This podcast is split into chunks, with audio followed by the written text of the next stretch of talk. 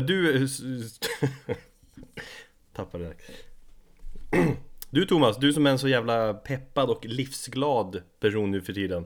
Blir du peppad om jag gör så här?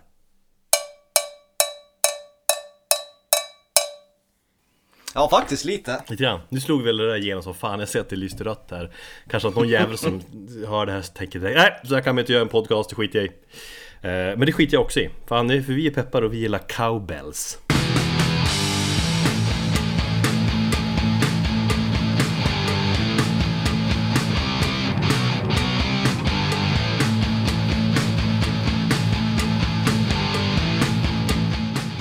Välkommen till avsnitt eh, 110 av Metalpodden. Det är bra att du har koll på dina avsnitt. Eh, ja, jag vet fan i min skalle idag är lite... jag måste skärpa till mig här. Metalpodden, podden där eh, du och jag Thomas, vi älskar att dyka ner i det här eh, gigantiska hårdrocks och metalträsket. Vad porrig det låter. Mm. Ja, ja. Mm. Ja. Ja. Kommer jag med helt. Igen. eh, till det här avsnittet så, så, har vi ändrat till dag och numera så släpper vi ju återigen får vi säga avsnitten på fredagar. Eh, för, för det gjorde vi faktiskt i poddens begynnelse.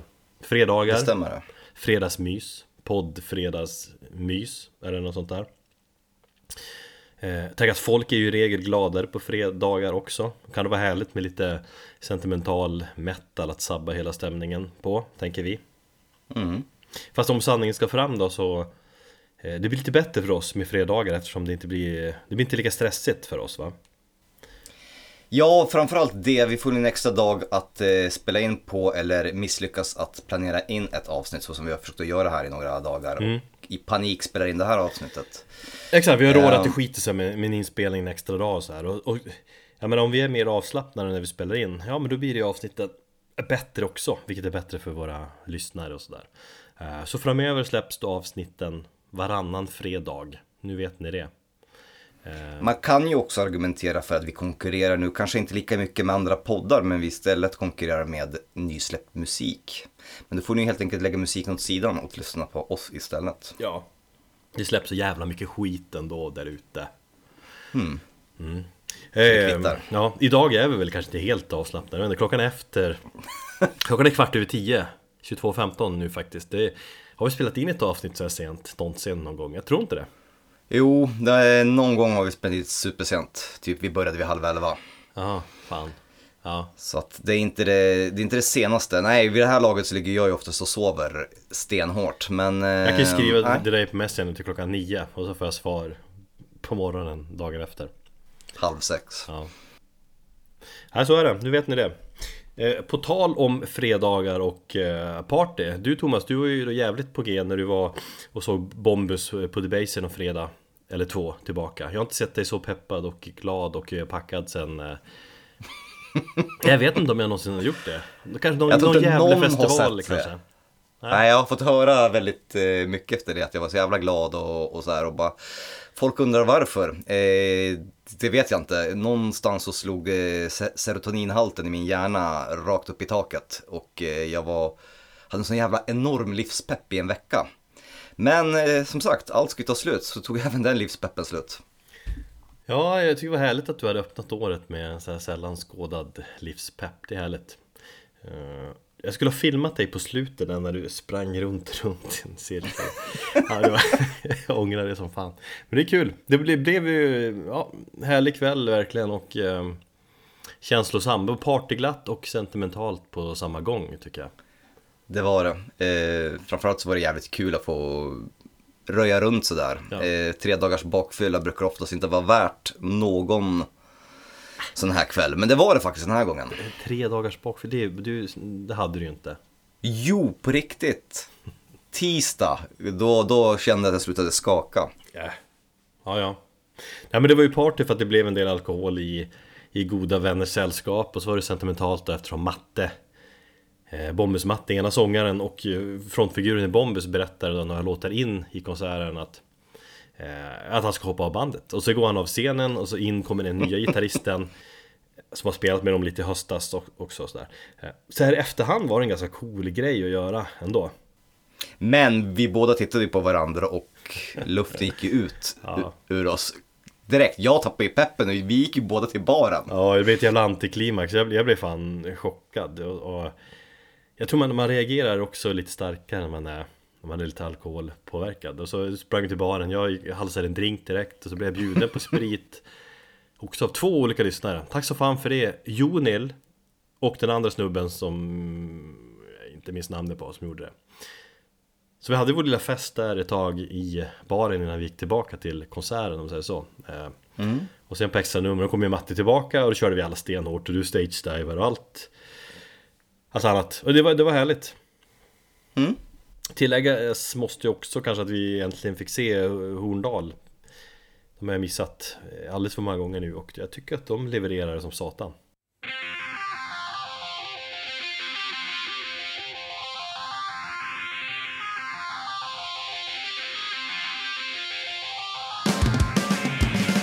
Eh, nu är det februari men januari har ju annars varit eh, lite av döden för trummisar bokstavligt talat. Neil Peart som eh, han gick bort i cancer, det märktes, hyllades eh, fan mig globalt överallt får man ju säga. Just ja. Sean Reinert från eh, Aeon Spoke, alltså Cynic, men framförallt har han ju spelat på Death-plattan Human, han gick ju bort i januari också. Mm. Han dog fan ung, 48 bast. Och Reed Mullin som dog förra veckan. Eh, vi ska väl alla den vägen vandra. Sen, sen eh, det som står ut lite grann med det här det är väl att det är just tre trummisar som Ja, alltså det, tänk, det tänkte jag inte på förrän du sa det. Att det faktiskt alla är trummisar. Nej, och framförallt är alla på något sätt pionjärer kan man säga. Alltså Neil med Rush, han, eh, eller vad vad han gjorde för den progressiva rockscenen, den, det, den är ju enorm, det är ingen snack om den saken. Sean Reiner, han har jag väl sämst koll på, tycker jag erkänna, men eh, just eh, Human, Death-plattan Human räknas ju som en, en platta som skapar teknisk döds. Mm, precis. Men är hans dödsorsak fastställd? Nej, den är inte, jag tror inte det. Och mannen då? Och så har vi Reed Mullin som Ja, han har gjort jävligt mycket Framförallt har han väl Pionjär inom den här tidiga hardcore punk och crossover eh, Thrash-scenen Och nu ska vi, vi kanske inte bli en sån här podd som bara hyllar en massa döingar i varje avsnitt Eller så ska Ja, vi du, har det väl ett, ja, men du har väl ett särskilt eh, förhållande till Reedmannen? Ja, alltså visst jag, fan, jag gillar att blicka framåt fast ibland måste man blicka lite bakåt också. Jag vill ändå prata lite Reed Mullin för Jag kände det fan när han dog, när beskedet kom att det var jävla trist liksom. Och jag håller han högt och jag har Fan lyssnat på Corrosion Conformity i stort sett konstant sen beskedet kom Att han har gått bort. Mm. Cool snubbe, han eh, var 16 år när han eh, Ja, när Corrosion Conformity bildades 82 Det är coolt. Nu säger jag coolt hela tiden. Hur länge spelade ni i bandet? eh, Han har inte varit med två senaste åren egentligen. Nej men ända fram hela den vägen ändå. Ja, jo, alltså han har ju varit lite till och från. Eh, Han har ju haft det struligt. Jag menar, 2001 hoppade han ju av bandet med ryggproblem och annat och gjorde lite andra grejer. Han hade bland annat något halvsoloprojekt Brown hette de Som var en helt annan genre, någon typ av eh, powerpop eller något sånt där. Jag har hört en låt, lät väl ändå. Okej, men sen kom, kom han tillbaka till bandet 2010 Bandet hade en paus flera år eftersom Eftersom framförallt Down tog väldigt mycket tid för Pepper Keenan.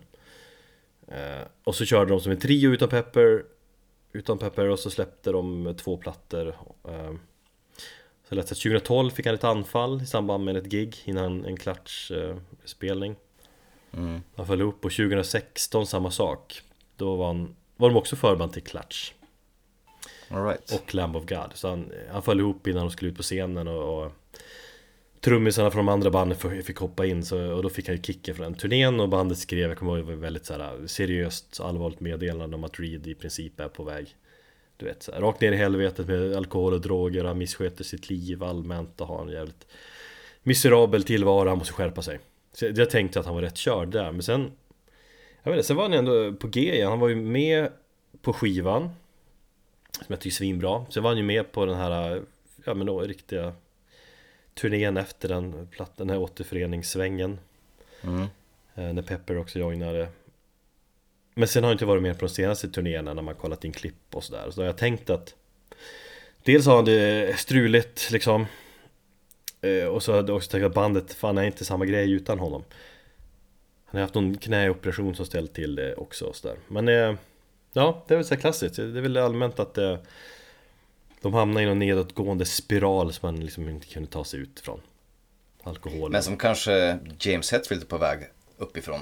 Ja, han verkar vara tillbaka, han såg ju fräsch ut och finklippt och allt Ah, det är trist Säkert kopplat till hans mentala hälsa och sånt där också Ja. alkoholen. Finns ju där, alkoholismen bland de här turnerande musikerna. Eh, ja. Fan, jag är en conformity, jag håller dem som 90-talets kanske mest underskattade band.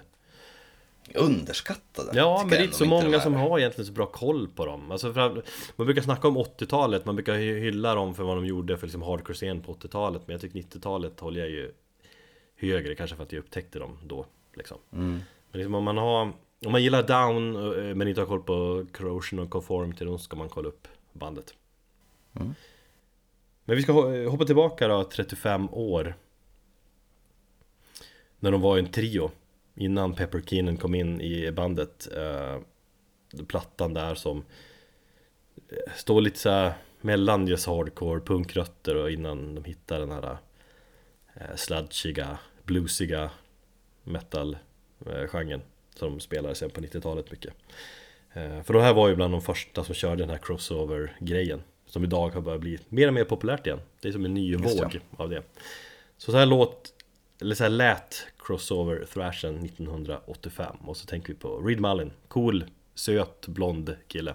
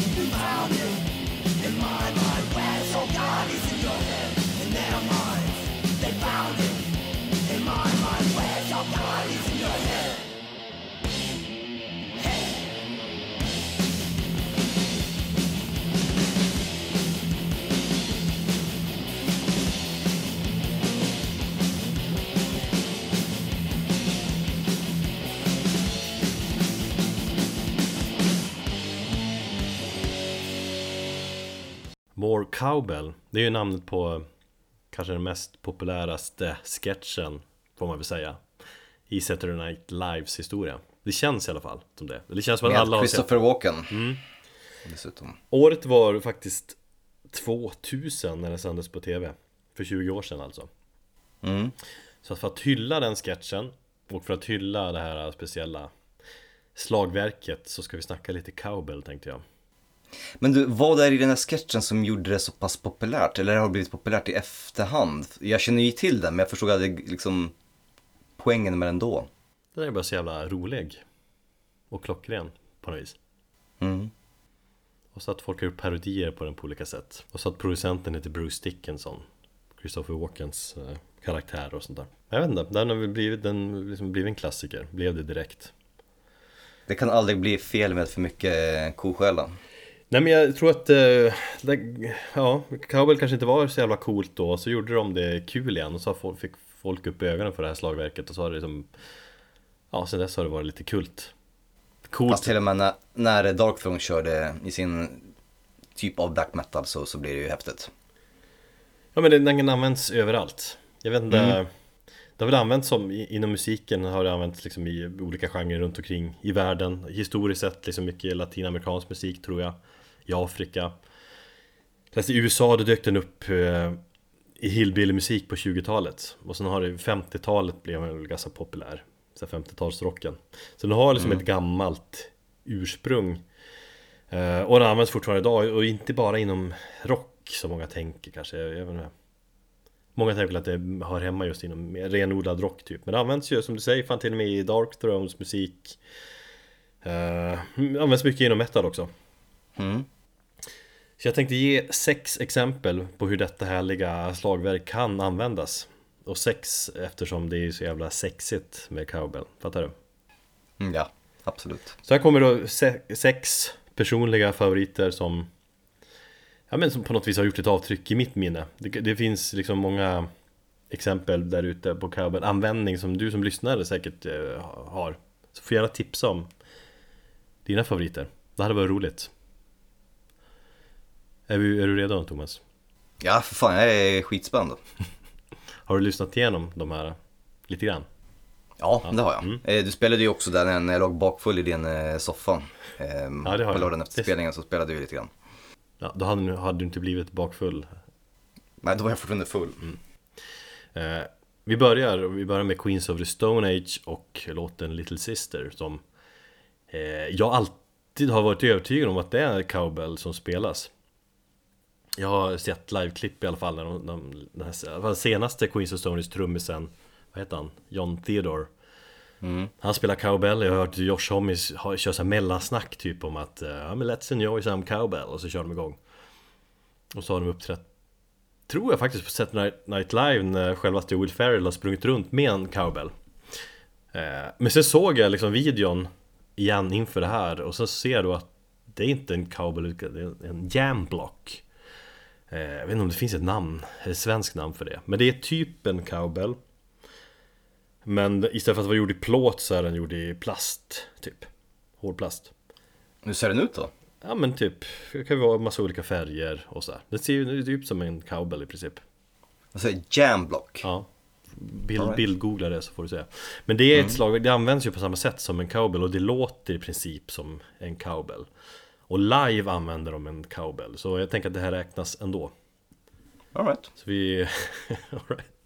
Så vi lyssnar lite på Queens of the Stone Age och låten Little Sister Småfusket, men okej. Ja men vad fan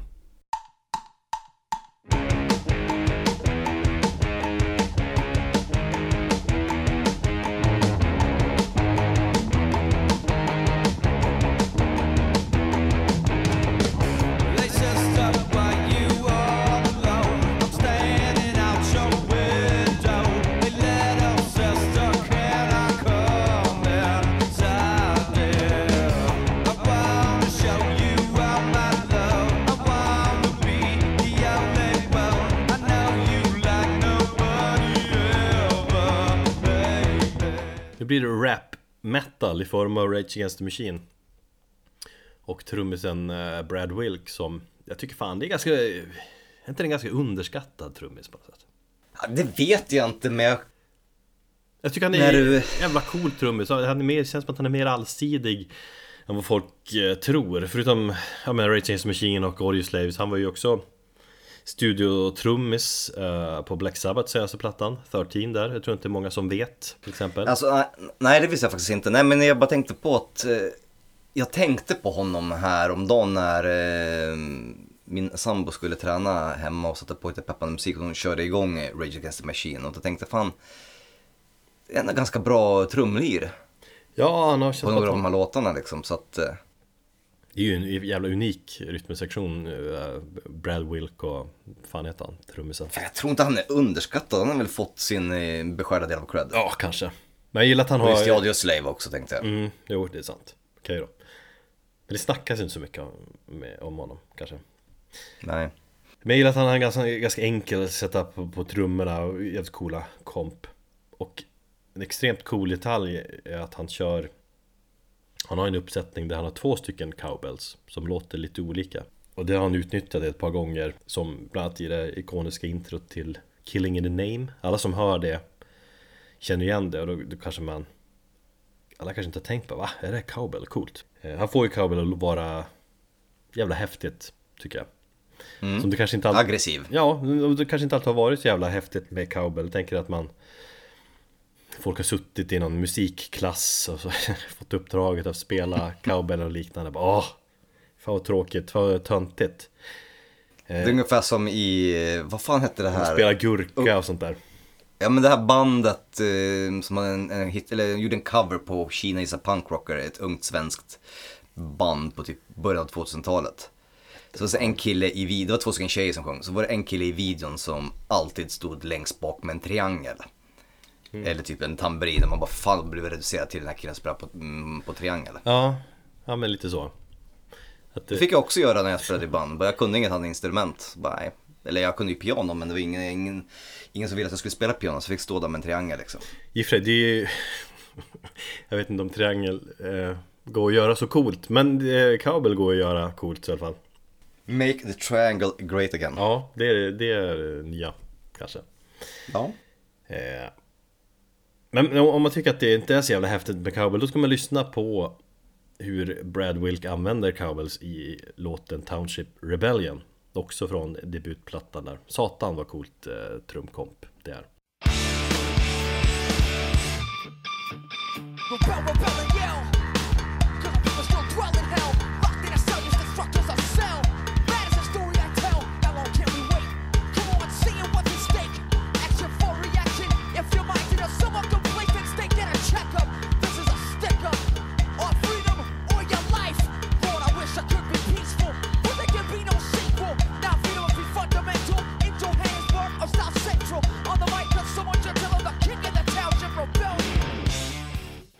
Vill du rocka?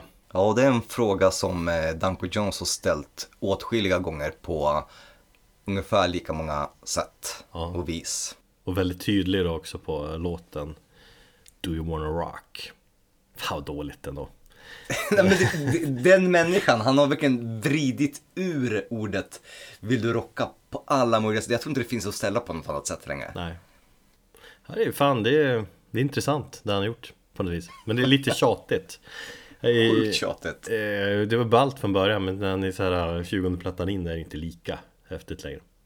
Nej. Sen är ju bandet Danko Jones inte direkt känt för sina trummisar. Jag tror att de är inne på sin det var sjunde eller åttonde trummis nu, vilket är helt sjukt. Det är ju fan värre än eh, Spinal Tap. Ja. Annars är ju basisten och han har ju alltid varit med. Men just det här eh, trumkompet med Cowbell tycker jag är, är så jädra snyggt. Ett sjukt snyggt eh, komp. Kanske det snyggaste exemplet fan bland de här nästan. Så pass. Ja, nästan. Just själva gitarriffet, det är ju som bara ett ackord som man bara håller rytmen på. Men själva riffet är trumkompet här. Det är det som gör det. Eh, Och det är det som får en att vilja rocka fett. Så vi lyssnar på Danko Jones och lite av låten Do You Wanna Rock.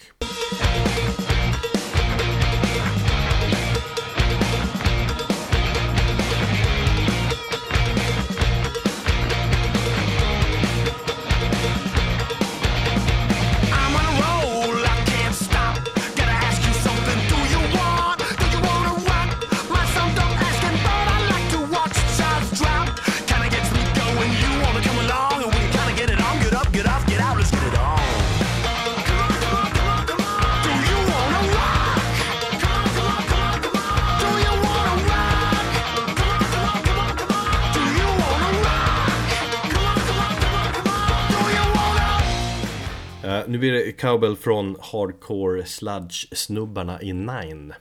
Det var ju av mina absoluta svenska favoritband där ett tag. De var sjukt underskattade. Ja, det, det, ja de är fan underskattade.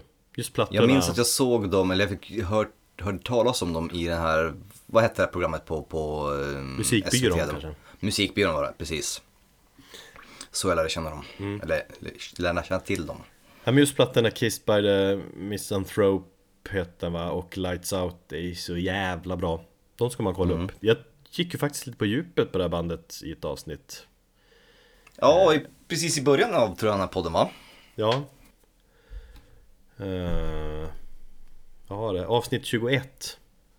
Som vi döpte till det luddiga On Cloud 9. Just ja. Så om man vill höra mig snacka lite mer om Nine så får man lyssna där. Eh, Men jag, jag minns att det var- på Dekis några år. Eh, Eller det hände inget från bandet på ett par år i alla fall, på så här tre, fyra år. Och så släpptes det ett eh, livstecken i form av EPn Everything Went Black Och i det titelspåret så har de Cowbell i det här introt Och jag minns Jag minns fortfarande när jag hörde det första gången Det här var 2006 eller 2007 Jag gick igång på det sin åt helvete Liksom att Det här sludge rock cowbell svänget Det kändes som att ah, fan, det här Det här är det bästa jag hört. Fantastiskt bra, så då lyssnar vi på det.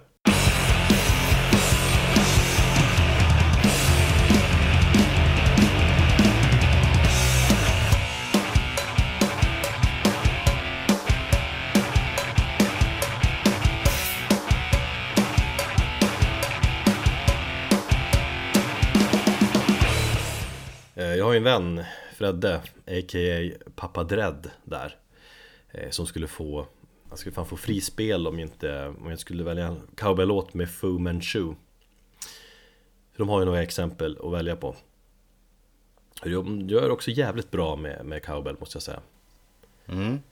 Så det kräver ju att man har med Fu Manchu Jag gillar ju när cowbell, när den liksom, när den ligger högt i mixen där man hör det jättetydligt För ibland, eh, ibland göms den långt ner i mixen eh, Så att man måste ha hörlurar för att inse att fan är det cowbell? Ja det är det Det finns massa sådana exempel när jag, när jag har gått igenom Jag känner lite grann så att en cowbell kanske ska fylla någon funktion som att, nej, jag vet inte, men peppa, som jag sa, lite peppa upp låten. Liksom. Jag tänker på just Danko Jones när jag, det, det känns som att det finns en tydlig liksom ett tydligt syfte med den. Ja. Och ligger den då djupt, eh, eller långs, lång, nå- någonstans längst bak i, mi- i mixen så försvinner ju själva syftet med den.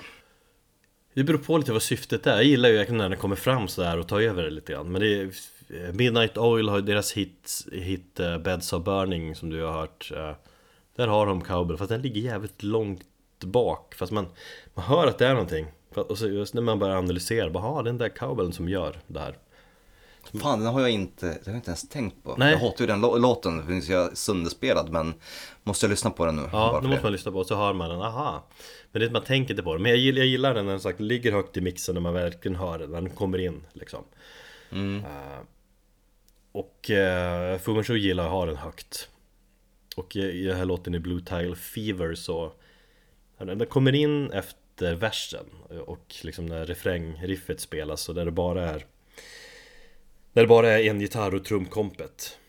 Och liksom där motherfucking cowbell. Det går liksom inte att missa den. Och så tänker man yes! Cowbell! Och så spelas refrängen och sen börjar versen om med, med två taktslag med cowbell. Det är så här, till och med små detaljer, det är sjukt snyggt. Så att, ja, nej, jävla lå- bra låt. Eh, så vi lyssnar på Blue Tile Fever med Fu Manchu från deras I mitt tycke då bästa skiva King of the Road.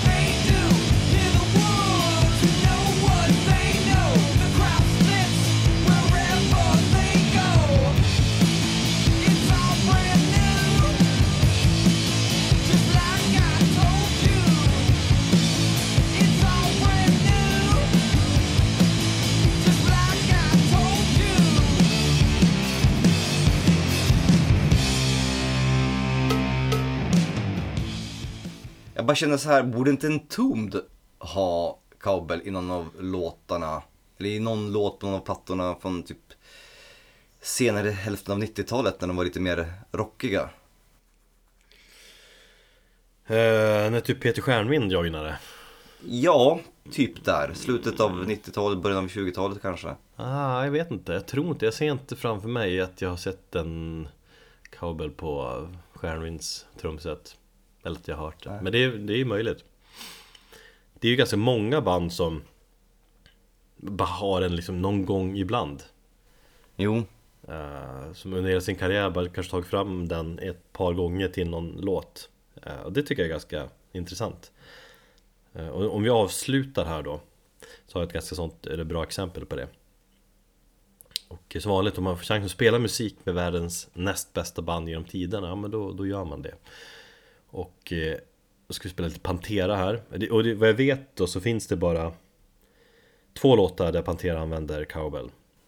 Och det är då, right. då dels Drag the Waters. De kanske spelade mer på 80-talet innan de blev tuffa och hårda men Det vet jag har ingen aning om. Eh, Drag the Waters spelar de och Revolution is my name. Och, och sagt, det blir lite extra häftigt när, när Vinnie Paul använder cowbell så extremt sällan. Så blir man nästan chockad när den kommer och Samtidigt som man plockar in den detaljen Så sällan så blir det liksom extra jävla bra då också Men det känns ju också som att i och med att man bara plockar fram den kanske till just den, som, om man som säger till exempel eh, i Panteras fall, han har använt den två gånger kanske. Under hela sin karriär. Ja, Så, så känns det som att de måste ju ha tänkt någonting. Bara, "Ah, men fan just den här låten. Antingen så gör de det bara som en kul grej, bara, "Nej, vi måste ha lite eh, cowbell på den här låten. Som, är, som en plojgrej. Eller så kanske de tycker att det tillför någonting rent musikaliskt till själva låten. Kanske valde de cowbell i det här läget på grund av den sketchen för Sketchen kom 2000, den här skivan kom också 2000 Det kanske de gjorde som en Ja. kul grej, bara fan cowbell det heter jag, vi plockar in den Kanske får Ja, lite, men- ex, lite extra uppmärksamhet, vad vet jag Ehm, Men just det här partiet som De spelar liksom som parti två gånger om. Det är väldigt typiskt Pantera, unikt. Just den där eller där bröderna Daryl Groovet med Dimebag på guran och brorsan på trummor. Det är, ja, det är ingen annan som haft det där Groovet riktigt. Nej.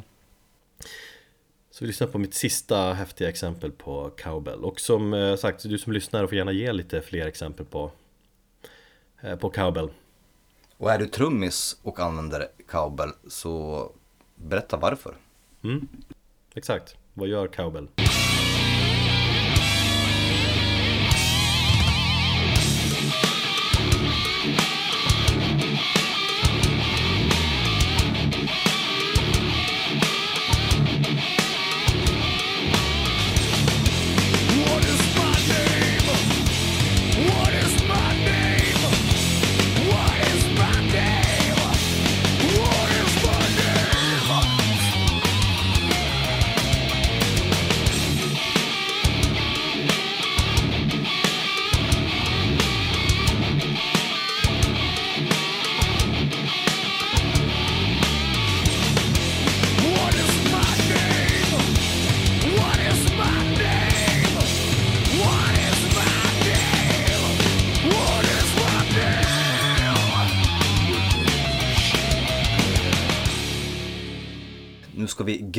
Oss ner i eh, avsnittets andra ämne. Eh, och det är själva stilbegreppet Cavernous Death Metal. Kan jag ju börja med att fråga, vad vet du om stilen mer än det att du, den research du gjort inför det här avsnittet? Inte mycket faktiskt Nej. Eh, Jag skulle säga att definitionen är relativt ny för mig Jag tycker definitionen är inte helt lätt att sätta Nej, ändå Det får vi kanske gå in på mer Men eh, som i stora hela så, nej Det känns som en, känns som en eh, under mikrogenre på döds av alla dess olika mikrogenrer Ja, det finns ju som sagt, det finns ju genre och så finns det subgenre som det är sub-subgenre och så kan man egentligen skala ner allting till eh, minsta beståndsdel. Ibland kan det vara kul att hålla på med det när vi nördar så som vi gör i det här avsnittet. Ibland tycker jag det känns onödigt. Fast det är ju det som gör dödsmetallen så sjukt intressant att dyka ner i för, för många låter det som, ja men det är döds liksom Det är ganska likt, men det finns så många olika subgenrer som du säger Där det är de här små, små detaljerna Egentligen som gör skillnad med olika typer av döds Ja, jag pratade med min svåger på eh, släktmiddagen här i lördags och han bara, jag förstår verkligen inte hur du kan lyssna på den musiken du gör. Men han bara, erkände att det är för att jag inte förstår det. Ja, det är säkert jätte, jättetalangfulla musiker, men det enda jag hör är bara oljud. Ja. Jag skulle säga att min favorit eh, dödsgenre i dagsläget är kosmisk döds. Och vilka är det som, Kosmisk döds är jävligt bra. vilka är det som spelar det? Blood Incantation, Eh. tänker du på. Eh, ja, men då kanske jag även kunna ge ett mer eh, ytterligare tips här.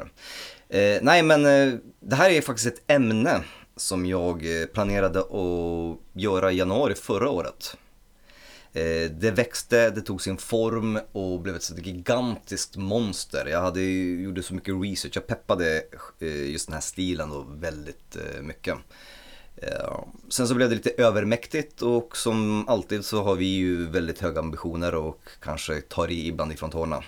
Så jag kände att jag var tvungen att skala ner. Sen så dog peppen ur, ur lite grann. Det är därför vi gör det ett år senare. Men det är så vi, vi rullar den här podden. Peppe var död lite grann.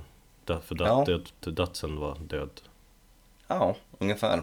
Så fick jag en liten eh, ny revival här i, i julas. Tänkte nej men nu vill jag fan beta av det här avsnittet för det är ändå ganska intressant och det är en, en intressant diskussion. Eh, om vi ska börja lite grann med definition av begreppet och musikstilen. Eh, begreppet då, eller uttrycket eh, heter cavernous death metal. Eh, Jag kommer benämna det hädanefter som grottdutt på svenska, bara för att det är lättare. Det finns Och eh, roligare. olika sätt. Och roligare, precis. Eh, Jag tror det faktiskt med, det var typ Kim och jag som diskuterade, det var väl han som kom med den eh, definitionen. Jag tyckte att ja, men det låter ju ganska bra och cavernous death metal, det är ju en ganska bra, bra översättning från det engelska ordet. Mm. Alltså cavernous, alltså cavern Grotta med cavernous, är inte det mera Eller vad är, det, vad är den riktiga översättningen på det? Det finns ingen riktig översättning, det är det som är grejen. Och innan vi går vidare så ska jag, är det väldigt viktigt att poängtera att det här är ingen subgenre, eh, subgenre eller genre av något slag, utan det här är eh, mer en stilistisk gruppering av band som verkar inom en viss, inom ett visst sound. Ehm, så att, och folk benämner det olika. Eh, när jag gjorde liksom, om du nu idag skulle söka på Cavernous Death Metal så skulle du hitta ganska mycket snack om det eh, i form av, av, som om det vore en subgenre. Men eh, när det väl började så var det väl egentligen, eller när man pratar om många av de här banden så handlar det mest om att bara gruppera vissa, vissa band som låter ungefär likadant. Alla sticker ut på sitt olika sätt men de hamnar ändå i ett och samma fack. Men är det inte så, subgenrer skapas? Ja, alltså i längden absolut. så att man, man väljer att kasta in Men ni spelar ungefär som dem och ni spelar som dem och så döper man det till någonting och så växer det fram Ja, jag skulle mycket väl kunna säga att Cavernous Death Metal idag är en typ av subgenre. För nu har det ju snackat så pass mycket eh, om den här musiken och, och nu finns det så pass många band som spelar det här så att ja. Men i begynnelsen när man började prata om det här, för jag, en research-tråd som jag kollade upp som var väldigt intressant och det var på Reddit. Där det var en människa som hade gått in på djupet och gjort så här jättetydliga dispositioner över helt det. Då, då pratar man väldigt mycket om att det är en som sagt mer en stilistisk gruppering. Och vi kommer väl kanske komma till det för att många av de här banden som jag tänkte ta upp ehm, har någon form av, de har ju fortfarande en egen distinkt ljudbild. Mm. Även om de fortfarande hamnar på något sätt under samma, samma tak. Eh, man skulle också kunna säga att eh, Grottduts eh, kom lite grann som en, alltså i alla fall den senare tiden av eh, stilen, kom i alla fall som en eh, revolt mot den här plastiga och ganska så sterila tech death-scenen som var väldigt populär för typ 10-15 år sedan. Och där kom även ännu fler band som började köra den här grottdödsen bara som en, ja, men som en, någon form av protest. Stilen eh, har av folk benämnts som atmospheric death metal eller post death metal. Jag tycker att det är ganska missvisande mm, beskrivningar av stilen. Alltså, att de tänkte post death metal. Då kanske du inte riktigt tänker på den stilen. Men det som är gemensamt med det är att de alla på något sätt försöker frammana eh, atmosfär. Och det är egentligen dödsmetall som är mer inriktad på atmosfär än riffande. Mm. Alltså jag hör mycket Morbid Angel inspiration i det av några av de här banden. Fast jag tänker att det är liksom Det är tjockare Gitarrerna och produktionsmässigt att det är och lite grötigare, Intressant. mer, mer grotta liksom. Ja, därav, därav grått döds. Absolut, eh, och det hade jag faktiskt tänkt att eh, ja, berätta. Just den här skill- skillnaden, eller att någonstans så kommer alla ifrån USA på slutet av 80-talet. Ehm, du hade den här själva dödsmetallrörelsen, men du hade Florida-dödsen, du hade Death, du hade Morbid Angel som sagt. Eh, Många av de här banden som kom då i New York, om man nu ska säga att den här stilen bildades i New York, de var ju ganska influerade av Morbid Angel. Men medan Morbid Angel var mer på något sätt eh, Alltså Morbid Angel är lite mer tekniska, det är lite mer finlir, det är lite mer eh, Ja det är mäckigt och det är ju lite mer groove och sväng i deras musik. Än om du jämför med till exempel band som Incantation, Immolation som var mer på den här liksom tjocka, grötiga ljudmassan. Ja, jag, jag tänker framförallt att det sitter mycket i produktionen i den här stilen. Att Japp. det är tjockare och att eh, sången, det är lite mer Lite mer grottmänniska, lite mer liksom otydligare sång Lite mer Men sen Mm. Ja, tänker jag mycket precis. också på att, att det påminner väldigt mycket om hela den här OSDM eh, Delen, den här mer liksom nostalgiska på något vis. Liksom att vi gör det, vi gör det mer basic som old school-tänket. När jag hör vissa, Ja, vissa av de här bandet att det är som ett mer primitivt rått tänk på något vis. Tänkte, ja. Mycket av de banden som, som verkar idag kör ju någon form av old school, absolut. Eh, och det är mycket liksom att, ja men, gå tillbaka till det, till det grundläggande i den dödsen. Absolut, och det är som sagt, det jag tror väldigt mycket också är en någon form av revolt mot den, den formen här, att mycket dödsmetall är alldeles för fint producerad också och eh, ja, för väl ljudig, helt enkelt. Eh, man skulle kunna dela upp det, eller jag har i alla fall delat upp den här eh, själva rörelsen eller stilen i eh, tre delar. Eh, begynnelsen då, där vi har just banden som inspirerades av Morbid Angel eh, och skapade någonting eget, lite mer köttigare. Sen så har du en ganska så lång period som där det var ganska stilla och sen så kom det en revival i mitten av eh, 2000-talet och sen så har vi du Cavernous Metal från typ 2013-14 fram tills idag. Och eh, det är lite så som jag hade tänkt att eh, jag skulle lägga upp det, den här lilla delen av avsnittet. Mm.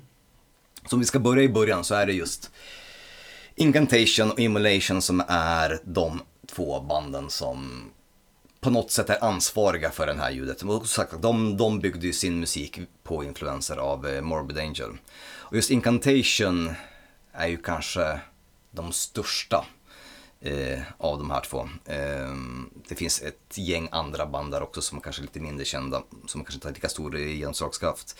Incantation är ju verksamma än idag så de är ju ganska så eh, Ja, de är ju fortfarande aktuella på det sättet. Jag tror de hade någon, släppte sin Profane Nexus 2016 har jag för mig, så det var ju inte så länge sedan. Eh, sen så är de kanske inte samma band som de var i början. Men de bildades 89 i New York. Ehm, och de var nog sagt ansvariga för den här New York-dödsvågen tillsammans med Im- Immolation som senare också kom att eh, influera eh, Suffocation och lite mer av de här liksom så här slam Jag tycker att Suffocation spelar någon form av slam-döds idag, eller under senare delen av sin karriär. Men de började ja, också som ja. Mm, de började, ja och jag hatar slamdöds, men, men de började i alla fall som ett lite mer renodlat klassiskt death metal band. Eh, och någonstans så, om man lyssnar på Incantation och sen så lyssnar på, på många av de här banden som kom senare så ser man att alla har ju tagit sin, eh, sitt sound som är egentligen baserat på, på, en, på en kopia av Incantation. Så de la ju grunden för, all, för alltihop. Ja, det, det är typ det enda bandet som jag har koll på av de här också Ehm, nej men som sagt, ehm, Incantation släppte sin eh, debut, eh, Onward to Golgotha, 1992 på, jag tror det var faktiskt på Relapse de gjorde den. Ehm, och jag har ju släppt ett eh, otal album sedan dess. Eh, men det är just här, där det, här det började. Så jag tänkte att vi skulle lyssna på, på, på, en, på en låt därifrån bara för att ja, ungefär veta vad, hur, det, hur själva grunden lades. Eh, och det blir låten eh, Unholy Massacre.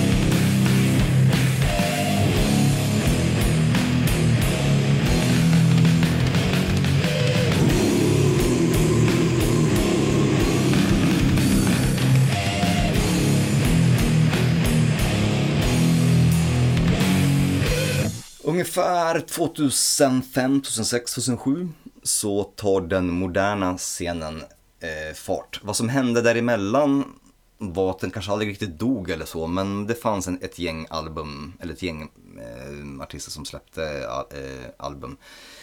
Incantation var ju som sagt fortfarande aktiva, men det känns som att nästa milstolpe i den här själva stilens eh, livslängd blev just någonstans 2005-2006 när band, band som Dead Congregation bildades. Eh, Grave Miasma bildades också i mitten av 2000-talet, släppte sin debutplatta 2008. Eh, och sen ett band som heter Funebrarum som jag har väldigt dålig koll på. Men de snackas om att vara ledarna för den nya vågen då. Och i synnerhet eh, grekiska Dead Congregation. Och jag har ju tjatat om dem ganska mycket. Och du sa att du inte hade koll på dem eller? Nej men ja, jag vet att du tjatar om Men alltså, sen, som tidigare har- vad jag lyssnat på så är det ju som Incantation som jag har ja, ja, lyssnat på För det är för att de har ju varit med så jävla länge också Nej men just eh, Dead Congregation från eh, Grekland bildades som ett krustpunkband egentligen. Men eh, han, huvudskrivaren, sångaren, minns inte vad han heter. Han eh, var inte speciellt nöjd med den inriktningen och han kände att nej, fan jag vill spela dödsmetall. Med fokus på atmosfär och inte så mycket just själva riffandet. Sen så är ju riffen på något sätt också framträdande i, i Dead Congregations eh, musik men inte, inte lika mycket i fokus. Ja men det är det som är intressant med döds att visst det är mycket som låter lika Det finns vissa element som måste finnas där med liksom eh, growlandet och, och i Men för mig är det ändå det är ändå alltid låtarna som avgör Är det bra låtskriveri? Är det ett bra riff? Är det, är det minnesvärt? Det är alltid det som avgör Det finns så jäkla mycket dött som är Ja okej men det är liksom man vill ha det lilla extra eller någonting, några detaljer som gör att det står ut från alla andra hundratals dödsband. Ja, det är ju skillnad på döds och döds. Jag menar, det finns ju så många olika stilar av dödsmetall idag. Ja, Och jag menar, någon som jag verkligen inte tål, det är tech death eh, och slam döds. För jag tycker det är totala jävla avarter. Som vadå tech- dödsmetall. tech death? Nej, det finns ju bra skit där också men det är ju... I regel så tycker jag inte om tech death, men ja, det kan, det kan finnas ett och annat band som kanske faktiskt gör det ganska bra. Eh, Jag tänker på de här, fan hette de då? Det fanns något band som heter Wormed, tror jag. Spelar super spacig tech death metal, det är bara eh, gitarr, onani och, och, och liksom teknisk nollkänsla. Ja men det visst, det måste ju vara känslan och att det är bra låt, Mm. låtar i grunden. Ja men Ted, Dead eh, Congregation är ju, som man, som man ska säga, ledarna för grottdödsen eh, i som sagt, den moderna eran aktiva än idag och de bygger ju på, på sin musik på grunden av just Incantation Immolation. 2008 spelade, eller släppte de, in, släppte de sin eh, debutförlängdare som heter Graves of the Archangels. Eh, och den pratas det är alltid om när jag stöter på den någonstans på nätet. I bara enorma superlativ, som att det vore en modern klassiker, det är en milstolpe, det var... Jag kollade tillbaka lite grann idag, det var ju så här med på hur många års bästa listor som helst just det året. Och många till och med tidningar skrev om den som en milstolpe för själva 00-talet. Ehm, jag upptäckte Dead Congregation med andra plattan, Promulgations of the Fall, eh, och blev stört kär i bandet. Så att jag tog omvägen. Men det är egentligen två, styck, två skivor som är ganska så likadana. Jag skulle säga att Promulgations kanske är något mer sofistikerade, de vet lite mer vad de gör medan eh, Gra- eh, Graves of the Archangels är mer, så att säga, primitiv. Men ehm, ja, jag väntar på ett nytt album från dem. Förhoppningsvis ska det komma ett i, i år. Eh, förra året så sa de att det kommer ingenting i, i år, så man kan ju hoppas på det. Då har det gått sex år mellan plattorna, vilket var tiden det gick mellan eh, Graves och eh, Promulgation-plattorna också. Så de tar tid på sig. Mm, det är fan lång tid. Ja, sex år mellan varje platta. Nej, det är fan, det är, ja, det är... Huh, nej, men Men den som väntar på något gott och bra. Ja, men så vi ska faktiskt ta och lyssna på eh, en um, låt ifrån deras debutplatta ehm, som kom 2008 här. Och det är Vanishing Faith.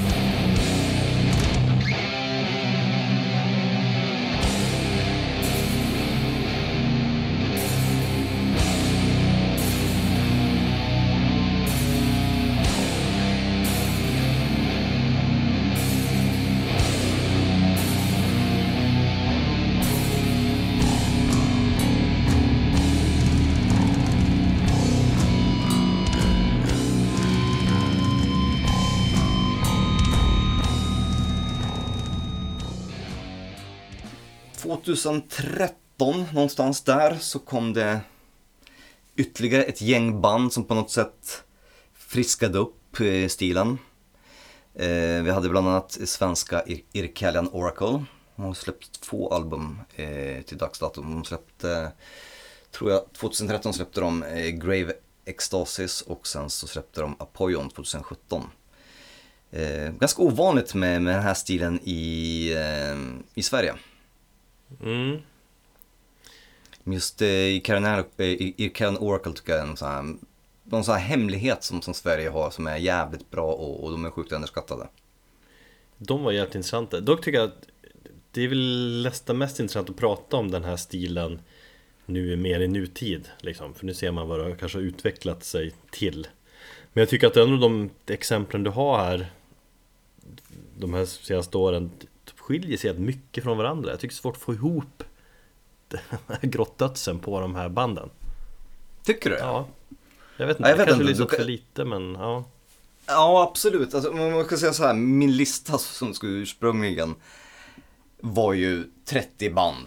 Ja men jag förstår att du du har en viss bredd i det hela men Jo, precis, men sen så, så, så kunde man se på något sätt. Jag lyssnar som sagt, när jag, när jag, du vet hur jag är, när jag knarkar ner mig i någonting så går jag in för det liksom all in. Och då var det ju bara en månad som jag har lyssnat på den här typen av band. Och då liksom, man såg en röd tråd hur alla på något sätt har influerat varandra. Nu när man bara tar så axplock här och var så kanske det inte blir lika tydligt. Jag tycker dock att till exempel Dead Congregation och Incantation är väldigt liknande. ja, det köper jag, det är mer homogent Men de här senare då eh, köper jag inte lika mycket Då tycker jag det är lite mer spretigt, inte lika tydligt att det hör hemma i samma Ja, genre eller samma grupp av, ja typ Nej, absolut. Nej, men som sagt, och, och, och kollar man lite grann på nätet och läser på så ser man att, jag menar, det är många band som jag skulle vilja lägga till till den här listan som inte ens nämns i, i, i det här stilbegreppet. Och det finns ett gäng band som tycker jag hamnar helt fel. Jag vet att eh, ett band som Spectral Voice, det är faktiskt, om det är gitarristen och sångaren ifrån Blood Incantation sidoprojekt. Eh, de släppte en platta för några år som heter Corridors of Unbecoming eller någonting. Jävligt cool. Den räknas faktiskt in som eh, Cavernous Death Metal. Eh, kolla upp det, dels för att du gillar eh, Blood Incantation, så du kanske borde gilla det. Och det är jävligt mycket atmosfär på den plattan. Mer atmosfär skulle jag säga än, än någonting annat. Eh, där har du liksom ett band som verkligen räknas in i stilen men som jag kanske skulle på något sätt känna att nej, de är nästan lite för mjuka för att vara, för det ska fortfarande vara väldigt primitivt. Det ska vara det här, alltså hela grejen med stilen är att det ska vara så jävla mycket reverb och eko på instrumenten. Det ska ju låta som du spelar in i, i en grotta, därav namnet. Ja, jo exakt Och det tycker jag Och det är ju, det är ju dissonanta riff, det är kaos, det är det här mullrande grejen. Det är ju det de här banden alla, han, från Irkarian Oracle till, till ehm, Grave Miasma, Dead Congregation så, så, så är det ju alla, de har ju det här mullrande dissonanta riffandet. Och det är väl det som någonstans binder ihop dem. Men som sagt, det är ju fortfarande kanske inte en ved, vedertagen genre eller subgenre på samma sätt som speed metal, thrash eller någonting annat. Så det går ju kanske att ehm, på något sätt diskutera vad som finns och vad som inte ryms under det taket. Ja. Ehm, men som sagt, Ir- Irkellan Oracle är ett bra svenskt eh, exempel som jag skulle vilja på om man är intresserad av den stilen. Där har du tycker också väldigt mycket mullrande basgångar och väldigt mycket så dissonant och, och, och, och, och grott, grottkänsla i musiken. Men det tycker jag, ja, de är göteborgare va? Eller vad var det? Hemliga medlemmar också Ja, de är väldigt anonyma. Eh, att de är göteborgare, det visste jag faktiskt inte, men det är mycket möjligt. Men sen när jag lyssnar, jag tycker att det mer känns som en blandning mellan black metal och döds Ganska jävligt långsam döds Och väldigt, ja men just atmosfär men nästan lite dronigt på något sätt Ja, det, och det är det jag tycker att sti, så stilen låter idag. Lite grann. Att den, har bli, den har utvecklats till det här lite mer långsammare och dronigt. Och det är det jag gillar med Grottdödsen idag. Ja, För jag gillar väldigt mycket de nya banden. För de har ju... Det har blivit lite mer distinkt nu vad, eh, vad själva Grottdödsen är. De, de senaste fem åren, eller om, om du jämför med till exempel för 10 eller 15 år sedan. Och sen om du jämför med, med, med tidigt 90-tal. ja det är möjligt Jag, jag tänker att det är tvärtom men jag, jag vet inte Ja, okej, ja. Ja, men som sagt, man, kan ju, man, man har ju lite olika in, intryck och speciellt du som kanske inte har nördat ner dig på samma sätt så, så som jag har gjort det. Jag har inte knarkat grottdödsen lika mycket, nej Nej. Ehm, ett annat band eh, som också är eh, väldigt populära inom just eh, Cavernous Death Metal och som jag då egentligen de platsar tycker jag för de har allting rätt. De har ljudbilden är rätt, om, alltså omslagen också så här. Det är väldigt diffusa omslag. Det är också något som jag tycker länkar ihop väldigt mycket av de här eh, banden. Eh, vi har till exempel kanadensiska, med reservation för uttalet, Chtelist. Det är ingen som vet hur man uttalar det egentligen. Eh, bildades i Kanada 2016. De har släppt en skiva som heter Le Dernier de Crepuscule, möjligtvis. Eh, som är jätteinspirerad. Där har du sångare som är inspirerad av sångare Demelich. Eh, väldigt mycket såna här gutturala, jag vet inte, något gutturalt mässande i rösten. Jag skulle säga att av alla de här banden så gick jag igång på de här mest eh, Jag tyckte det var en jävligt snygg produktion framförallt Tyckte du det? Jag tyckte den var väldigt, ja den var snygg, ja absolut, men den var nog ganska medvetet grottig också. Ja Men inte Eller? lika, inte lika grottig som de andra tycker jag. Men jag vet inte, men sen fan bandnamnet för helvete. Inte helt smart val ur marknadsföringsperspektiv. Fan, de, Jag kollade in dem på Metal Archives också, de har ett namn på deras första demo Som några av låtarna på skivan kommer ifrån också eh, Som var i, i stort sett helt omöjligt att uttala också. Väldigt svårt. ja, ja, som sagt det är ju väldigt mycket konsonanter, men jag tror det uttalas chtelist. Ja. Fan vi älskar Eh. List rules! Så här, det funkar inte Eh, Men jag gillar plattan Jag tycker eh, Jag skulle kategorisera in dem lite under teknisk döds också Jag tyckte de var jävligt tekniska eh, Och så Ja, ja, Och jag, eh, skulle vilja säga att de kan, man skulle kunna kasta in dem i nörd-metal eller hur? Och det vet du varför va? Ja. Där har du gjort din research, gjort ja men då får, research. du, då får du ta och berätta det tycker jag. Nej, men de, Två av låtarna är kopplade till Zelda-spel Vilket är ganska coolt, så det känns ju som att de känns inte så jäkla tuffa som Coolt resten av banden gör. nördigt ja. Nej exakt, Ja. det, det, då faller de lite grann på det här äh, råa och primitiva när de Att det blir lite nördigare Fast jag gillar det också Alltså som sagt, ljudmässigt, eh, album, alltså omslags, eller ja, omslagsmässigt och sådär så tycker de faller under i grottdöds eh. Men det finns två grejer då som gör att de sticker ut. Det är dels att de har två låtar som är inspirerade av Zelda-spelen. Eh, de har, eh, de är tror jag också in, i, inspirerade av hela eh, H.P. Lovecraft-mytoset med, med Cthulhu och sådär. Vissa av låtarna. Och att de är kanske något av de lite mer tekniska banden. Kanske inte nödvändigtvis tekniska, men de ja, men te- mer tekniska och de har ju till exempel lite mer solon på sina låtar, vilket är normalt ganska nej-nej inom den här stilen. mm, Jo ja men fan jag tycker det lutar jättemycket åt eh, tech döds när jag lyssnar Ja. Vi lyssnar på, på låten eh, Voidspawn och just det här eh, solot som gör att de, ja man kanske ser att de kanske sticker ut lite grann, men ändå på något sätt i, mitt, i, i min värld passar in i, i grottdödsfacket. Eh,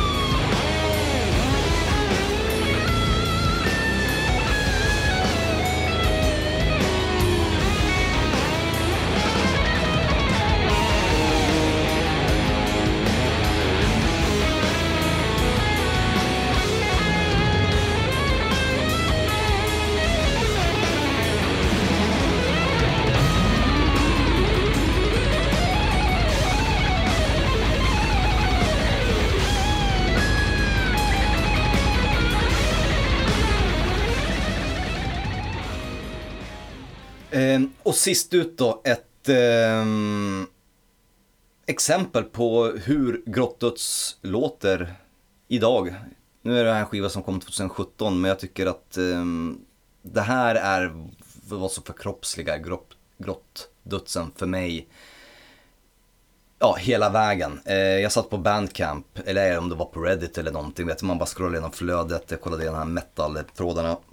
Någon la upp en länk och jag såg bara omslaget. Och jag såg direkt på omslaget att det här kommer jag gilla. Jag vet exakt vad det är. Man ser det direkt att man fattar vad musiken kommer handla om. Och man lyssnar på det och man blir inte besviken utan man nickar bara instämmande. Eh, och det var australiensiska Eucharist, inte att förväxla med det melodiska black metal-bandet från Göteborg, som kanske till och med är kristna, var populära under Ja 90-talet. just ja, fan. Är det inte någon... Vilken är det som kommer från det bandet? Jag vet inte. Det är någon som har lirat det förut som spelar i något annat band idag, typ. Ja, ja. Vad är det för de känns jävla bekanta? Ja, nej men det här är den eh, australienska motsvarigheten. Eh, som släppt en platta som heter eh, Endarkment och där har de två stycken spår som är 17 minuter långa. Där det bara är muller. Alltså de här känns ju känns superhemliga men här, jag vet inte fan alltså När jag försöker sätta in det, jag förstår ju det här i det här grottsliga kanske men Det här är ju mer black metal än döds Och jävligt eh, avantgardig svartmetall också skulle jag säga Varför, är- men vad i musiken låter black metal? Jag tycker- Black metal är för mig tremolo-riffande och, och, och blast beats och ganska så snabb musik. Det här är ju långsam, alltså i och för sig den är inte superlångsam, den är inte dronig men det är så mullrande och, och segdragen musik. Ja men jag tycker svart Osar svart Jag vet inte, jag, och så tycker jag fantastiskt dålig produktion tycker jag också va ja, ja. Och, Alltså nästan, och jag menar, jag kan ju gilla att gå igång på sånt som fan, just det här råa, primitiva liksom Att det, det känns liksom en äkta känsla i, jag menar så här live-känsla nästan och sådär. Men det här, det här är liksom bara Nej, jag gick fan inte igång på det här riktigt. Eller men så dålig, det är ju medveten, det är ju medvetet dåligt. absolut, det är väldigt medvetet dålig produktion men Ja, man kan göra det på bra sätt och man kan göra det på mindre bra sätt. Jag, Eller så måste jag bara lyssna mer på dem. Jag gillar sig när jag beskriver dem själva på något vis av Avantgardig svart metall döds och dålig Alltså då, då, då är det ju så avantgardig, eller avant, ja, avantgardig att den på något sätt går hela vägen runt för den är ju så otroligt jävla simpel egentligen. På något sätt tycker jag. Ja Jag bara körde en gång Men eh, Ja. Ja, jag, jag gick igång på det som fan och när du säger att det är black metal, ja i och för sig. Jag var faktiskt nära på att här i sista sekunden lägga till ett band. Eh, bara för att eh, jag såg att eh, finns ett band som heter Death Void Terror. Eh, som släppte sin platta tror jag för en eller två veckor sedan. Eh, som hette To the Great Monolith. Eh, som beskrevs som cavernous black metal. Oh, då gick jag igång på. Då tänkte jag, Ja men vi kör samma grejer som med dödsmetall men vi lägger bara till black metal. Där blir det liksom mer blastbeats och sånt där. Så det kan mycket väl vara så att det är en cavernous black metal stil på väg upp, vad vet jag. Det var första gången jag mm, stötte på det begreppet. mm, det känns ju möjligt Det Nej, här, men det för här mig så är- jag skulle säga det är något, något slags me- mellanting då kanske Ja, nej men för mig så Det är det ju jävla mat att hålla på så här Jävla Ja, men det genrebestämning det är därför- fast, ja, Det är därför vi gör det. ja. Eh, det är som sagt kul att, kul att grotta ner sig. Och som sagt, eh, det här är som sagt, det, det finns ingen, ingen, ingenting är, är liksom, det är löst definierbart. I och med att det här snackas om, om, om, om band som är mer stil än genre. Ja. Nej men, Men- Och så, som sagt det här med produktion Nu kanske jag när jag lyssnar igen då från en annan vinkel någonting kanske jag går igång på det här Men just eh, Det var jävla dålig produktion som inte alls funkar för mig Och så kolla på, typ på mylingar till exempel En helt Ja. annan grej Det är bara det, ja, Och då säger också många, det är bara oväsen Ja fast liksom bra Fast där är ju produktionen gjord. Det är, det är för fan briljant produktion för det skaver ju så jävla mycket. Det, det blir jobbigt att lyssna på den för den är så jävla hård och, och, och, och liksom drar en mot hårs. Ja Det är det jag gillar med den. Det här är bara jävla... De är, jag brukar ka- benämna det som kakburksproduktion. Ja, det är liksom, ja de- det är de- bra Ja exakt De spelar i en stor jävla kakburk och så använder de kakburksinstrument. Och sen så är det en kass jävla grotta. Tänk dig det, en kass grotta långt ner i någon jävla underjord. Bara reverb. Jävligt dåliga stärkare. Och bara, ja. Ja, och man, man, han- är, nej men det är såhär, bara, vad fan, man hänger uppe på land och så bara, fan, är det något band? är det något band som spelar där nere? Man måste ha, Ja. hitta ett hål, så bara tar man fram sin mobil typ, och trycker räck och bara spelar in det. Det man hör Ja. där nere i, i den här kassagrotta, eller kassgrotta. typ så. Men eh, ja, det är kul. Men det, är också, det finns också någon folk som har benämnt det som just abysmal death metal. Så att, ja, du förstår det, långt, långt ner där i avgrunden. I avgrunden hittar du Eucharist. Eh, från albumomslag till ja, låttitlar till hur jävla kass produktionen må vara. Så i alla fall tycker jag att du på något sätt förkroppsligar så som primitiv och rå eh, grottdöd ska låta idag. Så vi lyssnar på uh, Eucharist och låten Evocatis Tenebris Darkness Part 1 från skivan Endarkment. Och jag kan tillägga att eh, är man intresserad av den här stilen så kan man kolla in skivbolagen Iron Bonehead och Nuclear War Now som är kanske inte specialiserade på, på den här typen av musik, men de har väldigt många band som lirar den här stilen. Så att göra en liten eh, ja, återanknytning till vårt eh, förra avsnitt om skivbolag. Mm. Och eh, framförallt kan man googla uttrycket så hittar man en del intressanta Reddit-trådar och sådär. Så vi lämnar med, med, med Grottdött och Eucharist. Tack Thomas, Mm, tack Erik, till nästa gång, ta hand om er. sov gott.